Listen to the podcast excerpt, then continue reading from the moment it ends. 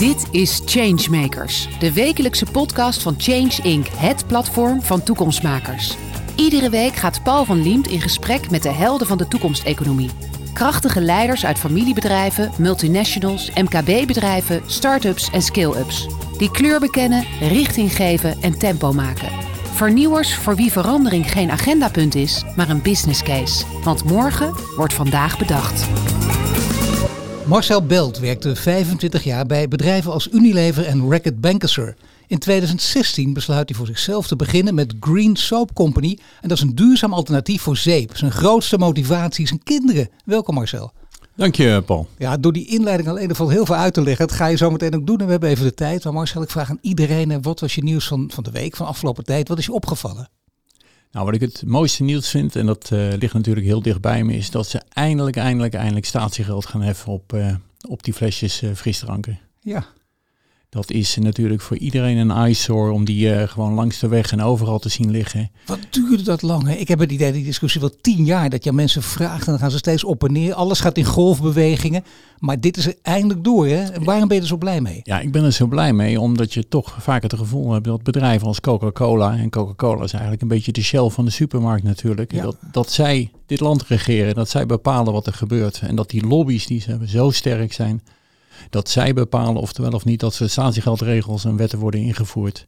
En ik vind het erg mooi dat de politiek en, en, en de, de regelgeving daar gewoon nu doorheen gebroken heeft. Ja, en Ronaldo natuurlijk, hè? Die gewoon die flesjes opzij zet. Ja, maar dan pakt hij vervolgens een waterflesje van Coca-Cola. Dus uh, dat schiet niet op. Nee, dat is waar. Maar toch maakt hij een verschil. Maar dat is een ander verhaal, want het gaat over de flesjes. Uh, misschien wel op die, die flesjes van jou, waar we het zo over gaan hebben. De, de shampooflesjes, zou er ook statiegeld op moeten? Of is dat echt flauwekul? Ja, ik denk dat dat zeker een goed idee is. Nee. Ik denk dat, uh, dat mensen gewoon zorgvuldiger om moeten gaan met plastic. Ja, maar zo alle flesjes statiegeld, dan dat, dat, dat wordt een gekkenhuis. Ja, er zit eigenlijk al statiegeld op. Hè? Dus uh, je betaalt van, uh, als fabrikant betaal je zo'n 5 cent uh, om te zorgen dat producten oh, ja. vervolgens gerecycled kunnen worden. Alleen worden die niet echt doorberekend aan de consument. En ik denk als je dus op een gegeven moment die consument die boodschap ook meegeeft, dan realiseren ze ook dat het waarde heeft. Dan gaan ze hem terugbrengen naar de supermarkt.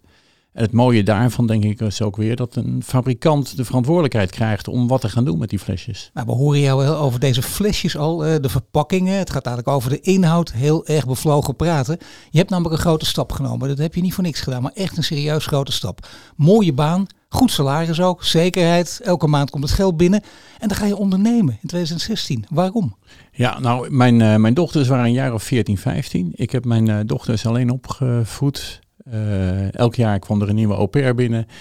En met dat die meiden 14, 15 worden en die zien weer een nieuwe au pair uit Canada binnenkomen die geen Nederlands praat, die niet kan fietsen, die niet de weg naar school weet. Dan zei ze, pap, moeten we nou werkelijk van, van, van dit meisje gaan, uh, gaan horen wat we moeten doen? Dus ik denk, ja, dat kan ook echt niet meer. Dus ja, verstandige ik heb toen, dochters, hè? Ja, slim. En, ja. Uh, en de consequentie voor hun was ook in die zin positief. Dat ik zei van, weet je wat, ik ga eens vijf jaar uh, wat dichter bij huis zijn. En, en gewoon met die meiden wat, wat meer dingen doen. En daarnaast, ja, het bloed kruipt waar het niet gaan kan. Maar mag ik even, dat is toch al een hele stap. Hè? Ook in een, uh, nou, misschien een beetje lichte macho-omgeving waar je werkte. En dan dit doen, weet je ook een beetje besmuikt uh, aangekeken?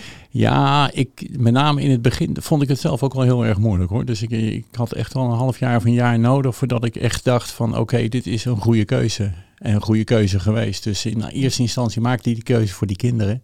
Later ga je dus de keuze invullen door op een gegeven moment een eigen bedrijf te beginnen.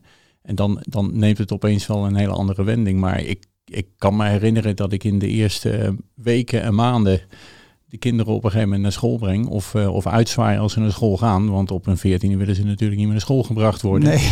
En dan zie je de buurman in zijn uh, auto van de zaak stappen en in zijn pak weglopen en wat dan ook. En dan denk je, oeh, wacht eens even, dat, dat heb ik allemaal opgegeven. Ja, dan lijkt het even dat je de verkeerde afslag hebt genomen, maar het tegendeel is waar. Tenminste, ik zie je voor het eerst, maar ik zie je wel eigenlijk vanaf het begin af gaan glunderen. Dus ik bedoel, het kwartje is nu al gedaald. Het is nu wel duidelijk wat je wil.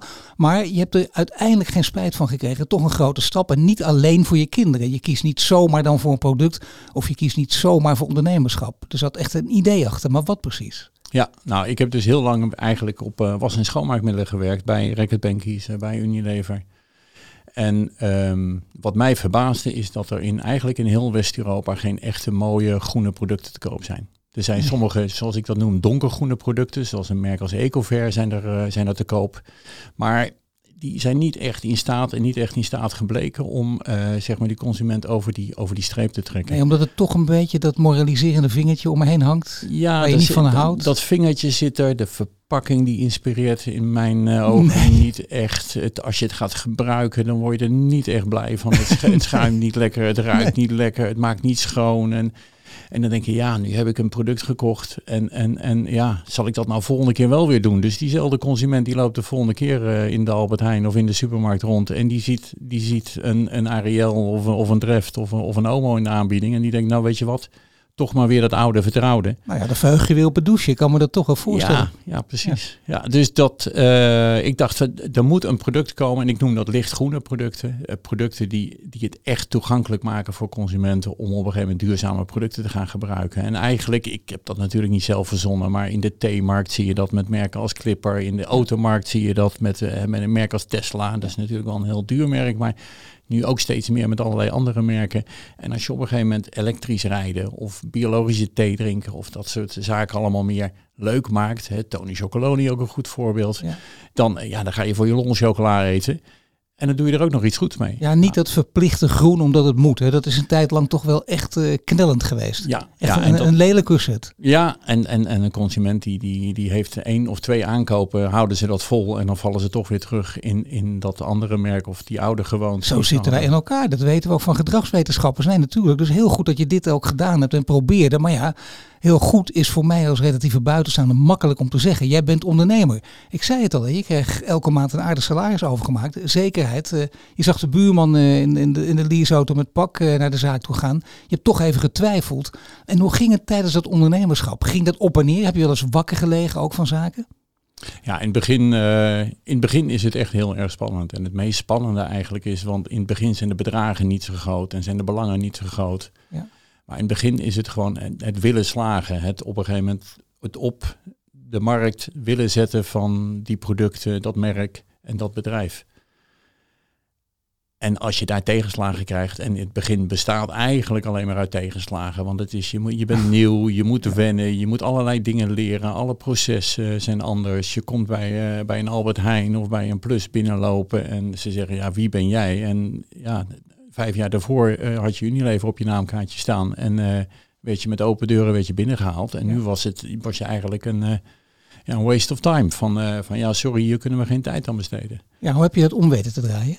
Ja, uh, ja, door blijven drammen. En een beetje een Jehovah's getuige mentaliteit. Maar gewoon continu maar aan blijven bellen. En op een gegeven moment die voet tussen de deur. En, en proberen op een gegeven moment om je verhaal verhaal aan de man te brengen. En op een gegeven moment dan begint dat toch wel te resoneren bij, eh, bij een aantal partijen. Maar je hebt succesjes nodig, hè? Gewoon om je, jezelf in stand te houden alleen al, om dit ook vol te houden natuurlijk. Ja, nee, absoluut. Dus uh, in het begin bij, uh, bij kleinere ketens zoals Markt en, en, en later bij, bij grotere ketens zoals Ecoplaza. Gewoon mensen gevonden die denken, ja weet je wat, ik snap het. Hè? Dat, dat bij andere mensen het kwartje valt. Dat je precies dat verhaal wat je wil vertellen, dat ze zeggen, hé hey, verdorie, dat is iets wat voor onze consumenten, voor onze klanten gewoon echt een heel relevante en interessante propositie is. En dan beginnen te draaien. En dan op een gegeven moment dan, dan heb je die onderste treden van de trap heb je te pakken. En dan, dan kun je gaan klimmen en dan kun je verder gaan bouwen. Kun je een moment noemen? Want er zijn natuurlijk, het is niet zo'n lange periode, vijf jaar natuurlijk. Hè? En in zo'n periode kun je vast veel momenten zien waarvan je zegt, nou hier werd ik blij van. Hier dacht ik, dit is te goed dat ik deze keuze heb gemaakt. Want nu weet ik dat ik echt iets in handen heb. Daar kom ik later op terug.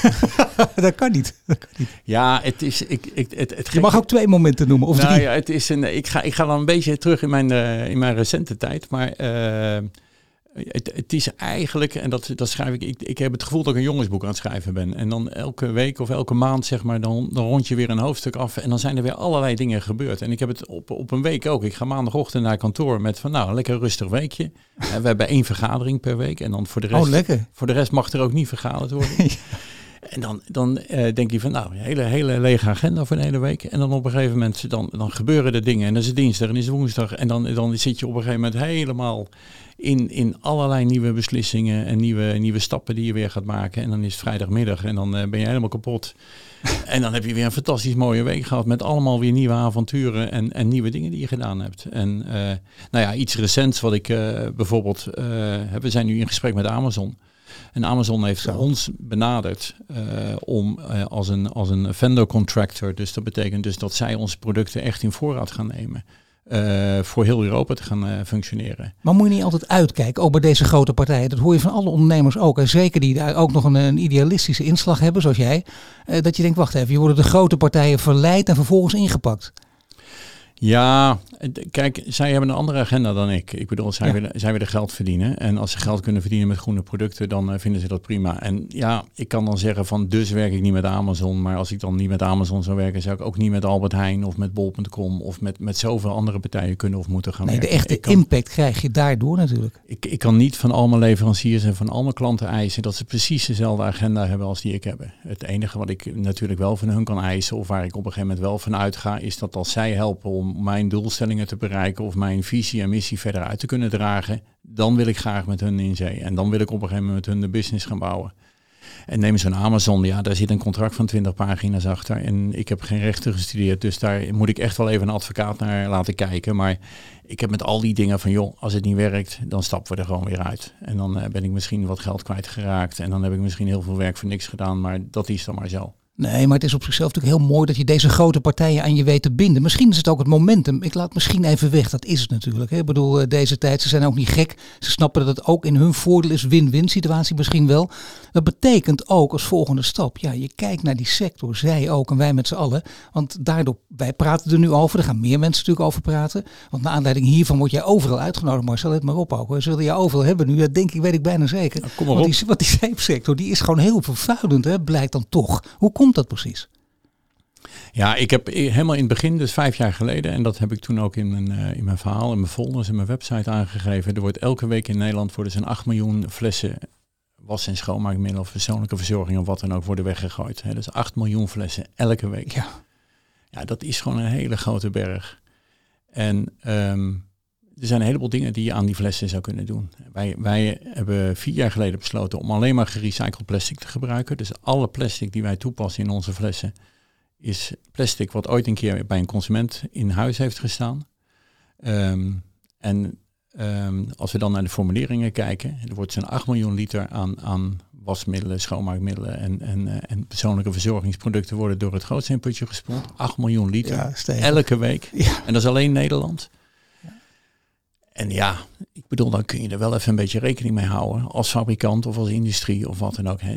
Zorg dan niet dat je gewoon dingen als bleek en ammonia en zuren en, en allerlei microplastics en andere troep op een gegeven moment Ja, daarin. eh, inhoud daarin en buitenkant, hè, alles bij elkaar. Het is heel veel, heel veel bij elkaar. Je maakt ook echt impact als je, als je in deze sector eh, een slag weet te slaan. Ja, nee, ik denk dat je zowel naar de verpakking als naar de, eh, naar de producten, naar de formulering moet kijken. Dus dat wat erin zit.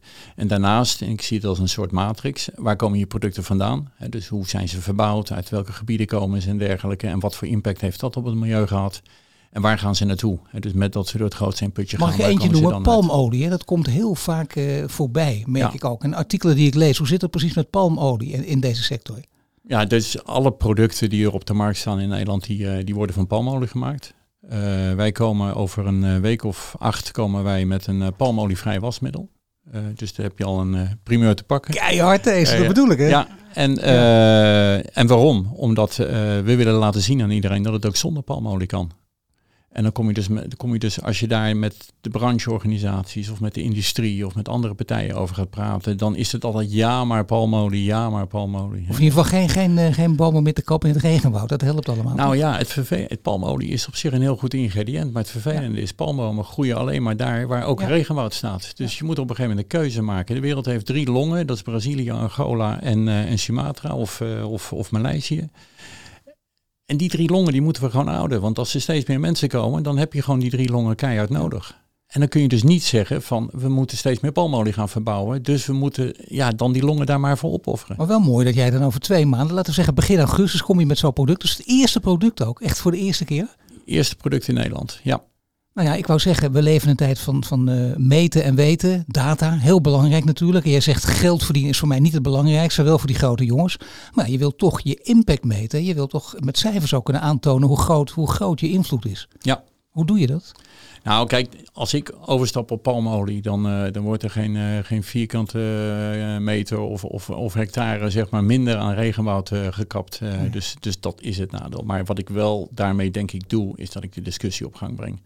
Dat ik dus op een gegeven moment, als ik bij een Albert Heijn lig of bij een Jumbo, met, met die producten, dat consumenten zeggen, goh, ik kan ook palmolievrije wasmiddelen kopen. Dus dat is iets wat, wat echt goed is voor het regenwoud, voor de wereld en noem maar op. Maar dan ben je dus echt, zoals het heet, een thought leader, hè? ja, ik, ben niet, ik ga ook niet voor market leadership. Dus ik heb ook niet de ambitie en de, en de pretenties om straks met 100% marktaandeel in, in, in wat voor categorie dan ook Waarom te zijn. niet? Omdat het onhaalbaar is of omdat het ook niet passend zou zijn? Nee, ja, het, het is... Het, het gaat me niet lukken. Dus het is, het is gewoon niet realistisch. Maar het thought leadership, door te zeggen van ik zorg als eerste, hè, zoals we vier jaar geleden als eerste in Nederland het hele merk overgezet hebben op 100% gerecycled plastic.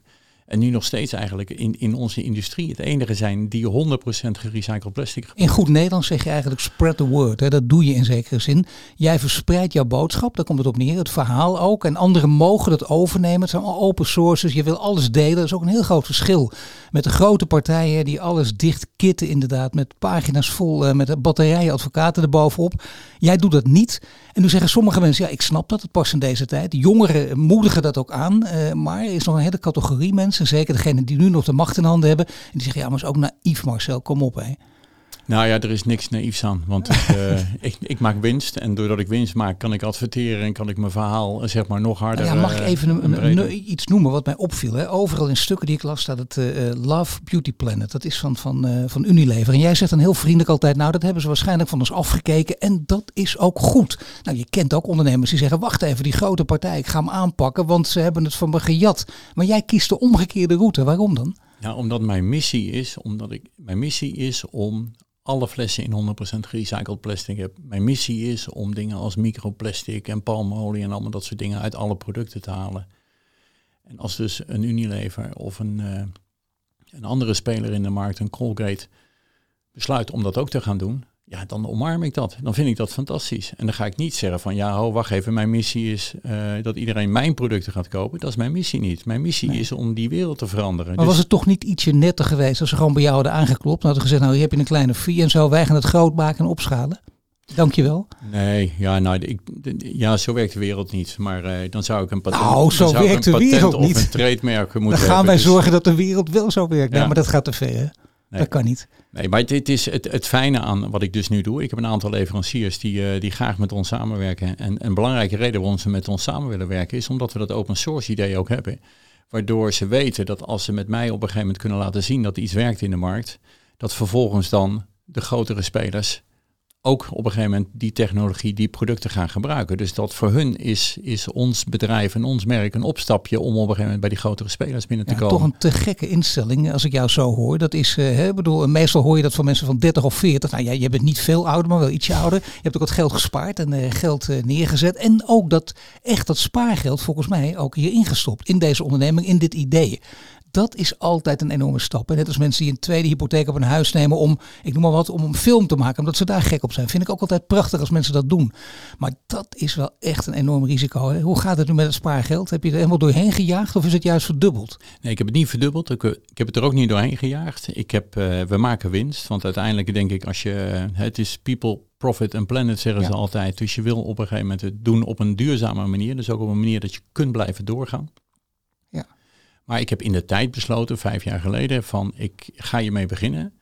Ik ga kijken of het wat wordt. Dan ben ik in ieder geval vijf jaar bij, me, bij mijn kinderen. En als ik het gewoon na vijf jaar niet van de grond krijg, of het draait verlies of wat dan ook, ja, dan ga ik maar weer een echte of een serieuze baan nemen. En dan, dan moet ik nog eventjes doorwerken om toch nog een pensioen bij elkaar te, te scharrelen maar in die laatste vijf of tien niet, jaar. Maar dat, hoeft dat hoeft nu niet. Dus ik kan uh, inderdaad deze boodschap en, uh, en dit verhaal gewoon doorzetten. Nou ja, ook omdat je denk ik het, het, het, niet alleen de goede mentaliteit hebt, maar ook inderdaad het goede traject gekozen hebt. Ook dat je uit je vorige baan, ook met dank aan, aan die werkgevers natuurlijk, dat je weet hoe die wereld in elkaar zit. En dat je ziet dat daar een wereld te winnen is. Hè? Gewoon geen donkergroene zeep, maar gewoon uh, prettige zeep. Die Ja. er ook een beetje leuk uitziet, die het goed doet en die ook beter voor het milieu is. Absoluut. Ja, nou Unilever, zowel als Record overigens, is, is gewoon een ontzettend goede leerschool voor me geweest. En in alle eerlijkheid, want die namen, hè, zoals Unilever of Albert Heijn, komen heel snel en heel vaak terug in dit soort gesprekken. Ja. En dat zijn natuurlijk de twee iconen in Nederland. Uh, maar ja, Unilever en ook wel Albert Heijn zijn in, in hun, in hun uh, branche, zeg maar, zijn dat zeg maar, waarschijnlijk wel de beste van, van zeg maar, de grote spelers. Hè. Unilever heeft natuurlijk altijd op een heleboel onderwerpen het voortouw genomen op het gebied van duurzaamheid. Ze zouden alleen nog veel meer kunnen doen. Ze zouden alleen nog veel harder kunnen lopen. En als je dan kijkt naar de impact die ze zouden kunnen maken, dan, ja, dan, dan jeuken mijn handen wel. Dan denk ik van, god, verdorie jongens, kom op, schouders eronder. Ja, maar en, dat is interessant. Echt het maar, verschil maar, nou ja, goed, jij, jij werkt daar in zekere zin aan mee, hè, door, door juist uh, te helpen met, met, met kleine producten, maar ze wel op ideeën te brengen, die ze gewoon via open source ook mogen overnemen. Maar wat zouden ze kunnen doen? Stel dat jij daar het roer in hand had. Nou ja, de, precies de onderwerpen die ik nu doen. Dus een, uh, neem dat recycled plastic. En hoe werkt het bij zo'n groot bedrijf? Er zijn vijf, zes loketten. En uh, achter één loket zit de kwaliteitsman, daar zit de productieman, daar zit de financiële man, daar zit de marketingman. En als eentje zijn loket dicht doet, dan is het, is het einde project. En dan mag die persoon weer opnieuw beginnen. En dan komt hij twee jaar later weer terug. Met maar heel veel innovaties snuiken. Op die manier, op die manier. En niks, is, niks wordt geprobeerd. En wat ik uh, op een gegeven moment in de inleiding ook al tegen je zei, van wij maken elke dag fouten. En, en hoe meer fouten, hoe beter. Want als, ik, als we fouten maken, dan weet ik dat we hard genoeg gaan. want je maakt fouten als je hard gaat. En ik weet dat we de randjes opzoeken. Ik weet dat we dus aan het vernieuwen zijn. Dat we nieuwe dingen en andere dingen aan het doen zijn. En dat, dat zijn precies de twee momenten dat je fouten maakt. Ja, Marcel, maar jij hebt bij die grote bedrijven gewerkt. En je weet dat het daar dan toch ook anders werkt. Maar je denkt dat het zou kunnen ook. Want ze zijn natuurlijk heel lang gewend op deze manier met die zes loketten te werken. Maar zouden zij ook meer fouten kunnen maken, meer risico's kunnen nemen? Dat zou kunnen, maar uh, management en mensen die in grote bedrijven werken zijn per definitie risicomijdend. Ja. Uh, je zou denken van niet. Want uh, je hebt die la met geld, waar, uh, wat niet je eigen geld is en wat je gewoon uit kan geven aan, aan van alles en nog wat. Maar mensen bij grote bedrijven zijn er om een volgende stap te maken en een volgende stap te maken en nog een volgende stap te maken. En die maak je als je geen fouten gemaakt. En iedereen is er dus op uit om dat, dat risico juist te vermijden. Terwijl soms met een risico zou ook voor grote bedrijven kunnen gelden dat ze inderdaad af en toe een stapje terug doen, maar daarna twee enorme stappen vooruit zetten. Dat zou kunnen, denk je, of niet? Ja, of ze doen gewoon vier projecten. En van die vier projecten lukt er één. En dan gaan ze daar als een, uh, als een dolle achteraan. Ja. En uh, doe het in het klein. Hè? Want ik heb dan wel eens die feedback gehad van grote spelers. Van ja, jij kan dat makkelijk doen. Ja, hè? Die, uh, die 5 miljoen flesjes die jij maakt van gerecycled plastic. Maar als wij het zouden doen met onze 200 miljoen flessen, dan zou het nooit kunnen. Want er is niet genoeg gerecycled plastic. Ja.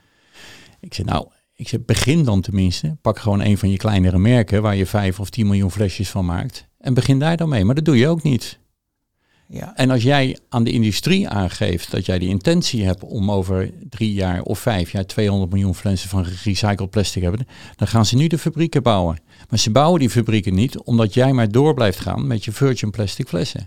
Maar mooie discussies echt, die je op deze manier met ze aangaat. Ik bedoel, daar worden ze toch enigszins aan twijfel gebracht. Maar ze blijven dat heel lang natuurlijk zien. Zij zullen waarschijnlijk ook zeggen, ja Marcel, maar zo werkt de wereld niet. En dan denk je, nou nee, nog niet.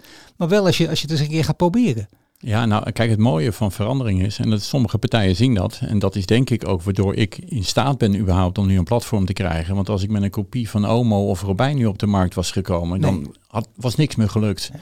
Maar het mooie van, van tijden of van momenten waarin er echt verandering is en waarin dingen echt aan het veranderen zijn, dan kun je impact maken en dan kun je een verschil maken. En dat geldt ook voor een groot bedrijf. Als je op dat moment, op het juiste moment het roer omgooit en op het juiste moment die beslissingen neemt om de palmolie uit al je spullen te gooien en op een gegeven moment een andere ingrediënt of een component of te stoppen met microplastics of te stoppen met virgin plastic dan kun je op dat moment kun jij de impact maken. Het hangt wel in de lucht. Heb je niet het idee dat het echt in de lucht hangt? Ik bedoel, je ziet het bij Shell ook. Je moet wel bewegen. Wie weet gaan ze nog hele verrassende stappen nemen, die grote partijen. Of is dat nu te optimistisch gedacht? Ja, ik, ik ben bang dat... Uh, en nu klink ik een beetje als een doemdenker, maar ik denk dat, dat, dat bedrijven als Shell en, en, uh, en, en de cultuur van een bedrijf als Shell, dat dat gewoon in en in slecht is. En dat geldt voor Shell, dat geldt voor Coca-Cola, dat geldt voor al die grote maar wat bedoel je met in en in slecht? Nou, er is maar één agendapunt en uh, dat is winst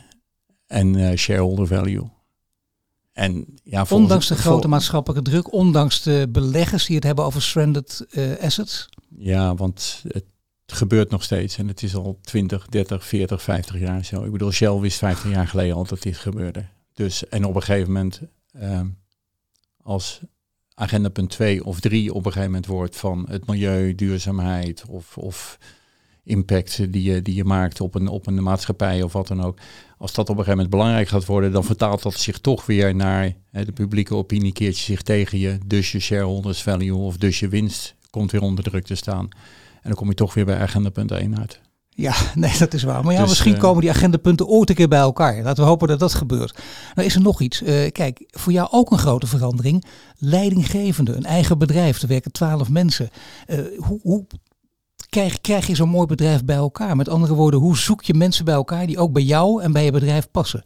Ja, ja, dat is een enorme uitdaging. Dus eh, bij ons op, op de muur staat eh, niet lullen, maar poetsen. Dat past natuurlijk goed in de, in de schoonmaakthematiek ook. Het is een beetje die, eh, die Rotterdamse mentaliteit waarin je ehm, echt gewoon hè, dat, dat fouten maken, wat ik net ook al zei, maar dat je echt moet zeggen, luister, we willen impact maken. En dat betekent dat je gewoon ehm, ja, elke keer weer door moet pakken en elke keer weer gewoon spullen oppakken, kansen proberen te zien, doorgaan en doorgaan.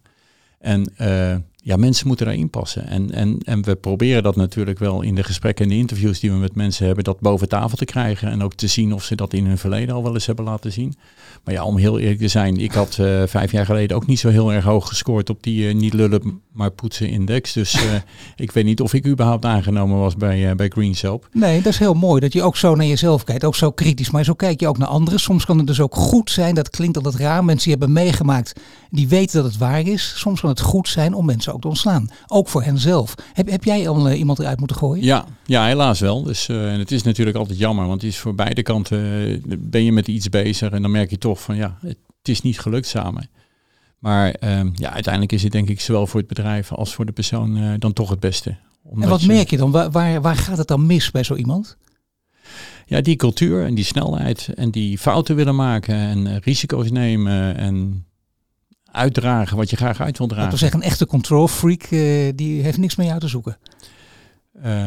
Nee, het is, bij ons is het wel heel erg de randjes opzoeken en heel erg snel gaan. En, zijn, het, zijn het mensen die dan ook qua karakter erg op jou lijken of hoeft dat niet per se? Nee, we hebben hele verschillende karakters. Ik heb eigenlijk alleen maar mensen in dienst die, uh, die slimmer dan ik zijn. Uh, en dat is, dat is natuurlijk anders. Heel lastig natuurlijk. Hè? Ja, nee, dat is, ik vind het een groot voordeel. Nou, ik vind het wel makkelijk, want het maakt je... Uh, het geeft een wat prettiger gevoel aan het eind van de maand als je een salaris betaalt. Want dan denk je, nou, ik heb allemaal, uh, je hebt allemaal dingen voor mij gedaan die ik zelf niet had gekund. Hè? Dus uh, dat is net zoals met de loodgieter. Als die, als die de kraan maakt en je denkt, god, had ik zelf ook gekund. Dan betaal je wat minder makkelijk die 100 euro dan, dan wanneer die iets doet waarvan je denkt, hé, hey, dat kan ik niet. Ben je er goed in om, om mensen aan te nemen? Want dat, is ook, dat blijkt ook altijd weer, merk ik in alle gesprekken met wie dan ook, dat dat een van de allerlastigste klussen is op aarde bijna. Ja, nee, het is echt super, super lastig. En je, je moet inderdaad, hè, want je kan natuurlijk al, je resoneert altijd het beste met iemand die op je lijkt.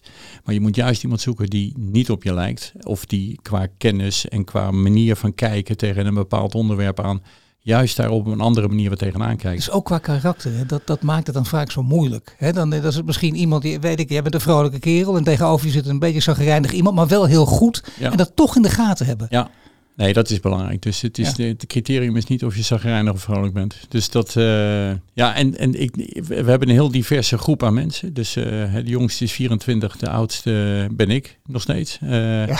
En uh, de, de mannen en vrouwen komen uit verschillende achtergronden, verschillende bedrijven of uh, verschillende partijen gewerkt.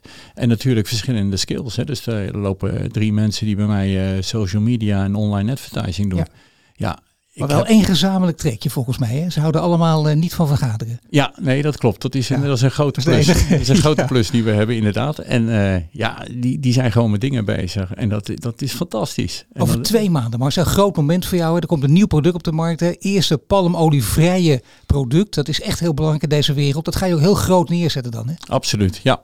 Gaan we dat merken? Ja, dat ga je hoe? zeker En merken. hoe? Nou, ik ben bezig met een mooie commercial natuurlijk weer voor op tv. Ja. Om dat, eh, dat Oh, heel groot en duidelijk aan te kondigen. We zijn in gesprek met de grote supermarkten om te kijken of zij eh, er ook echt mee aan de slag willen. En of zij ook op een gegeven moment eh, ons mee willen helpen om die impact te maken. En wat ik al zei, van we, wat we graag willen is, we willen mensen aan het denken zetten. Consumenten, Ja. inkopers van supermarkten, uh, brandmanagers en productontwikkelaars bij, bij andere en grote bedrijven. Van hé hey jongens, wij kunnen het. En als, als wij het kunnen, hè, met zo'n met zo'n zo'n Mickey Mouse bedrijfje, dan moeten jullie dat ook kunnen. Een avontuur met impact en inhoud. Hè? Marcel, geweldig. Leuk dat je het geprobeerd hebt en leuk hoe het erin verder gaat. En wij spreken elkaar nog. Ik dank je hartelijk voor dit gesprek. Dankjewel, Paul. Nou, en dit was uh, Marcel natuurlijk. En je luistert naar een podcast van Change Inc. Die is mede mogelijk gemaakt door onze partner Ebbingen. Normaal gesproken zeg ik dan tot volgende week, maar nu even niet. Het is zomer. Wij gaan niet, uh, als ik het heel plat mag zeggen, op onze luie reet liggen. Nee, wij gaan gewoon door met iets nog mooiers. Namelijk een tweewekelijkse zomerserie. En die komt voor de eerste keer over twee weken vanaf Pampus. Tot dan. Bedankt voor het luisteren naar de Changemakers podcast. Een productie van Change Inc. gepresenteerd door Paul van Liemt. Wil je dat meer mensen geïnspireerd worden? Deel de podcast dan op sociale media. De Changemakers podcast is tot stand gekomen in samenwerking met onze partner Ebbingen. Ebbingen kent, verbindt en ontwikkelt de leiders van de toekomst. Wil je meer afleveringen luisteren? Abonneer je dan nu via je Spotify, Apple Podcast of je favoriete podcast-app en krijg een melding wanneer er een nieuwe aflevering online staat.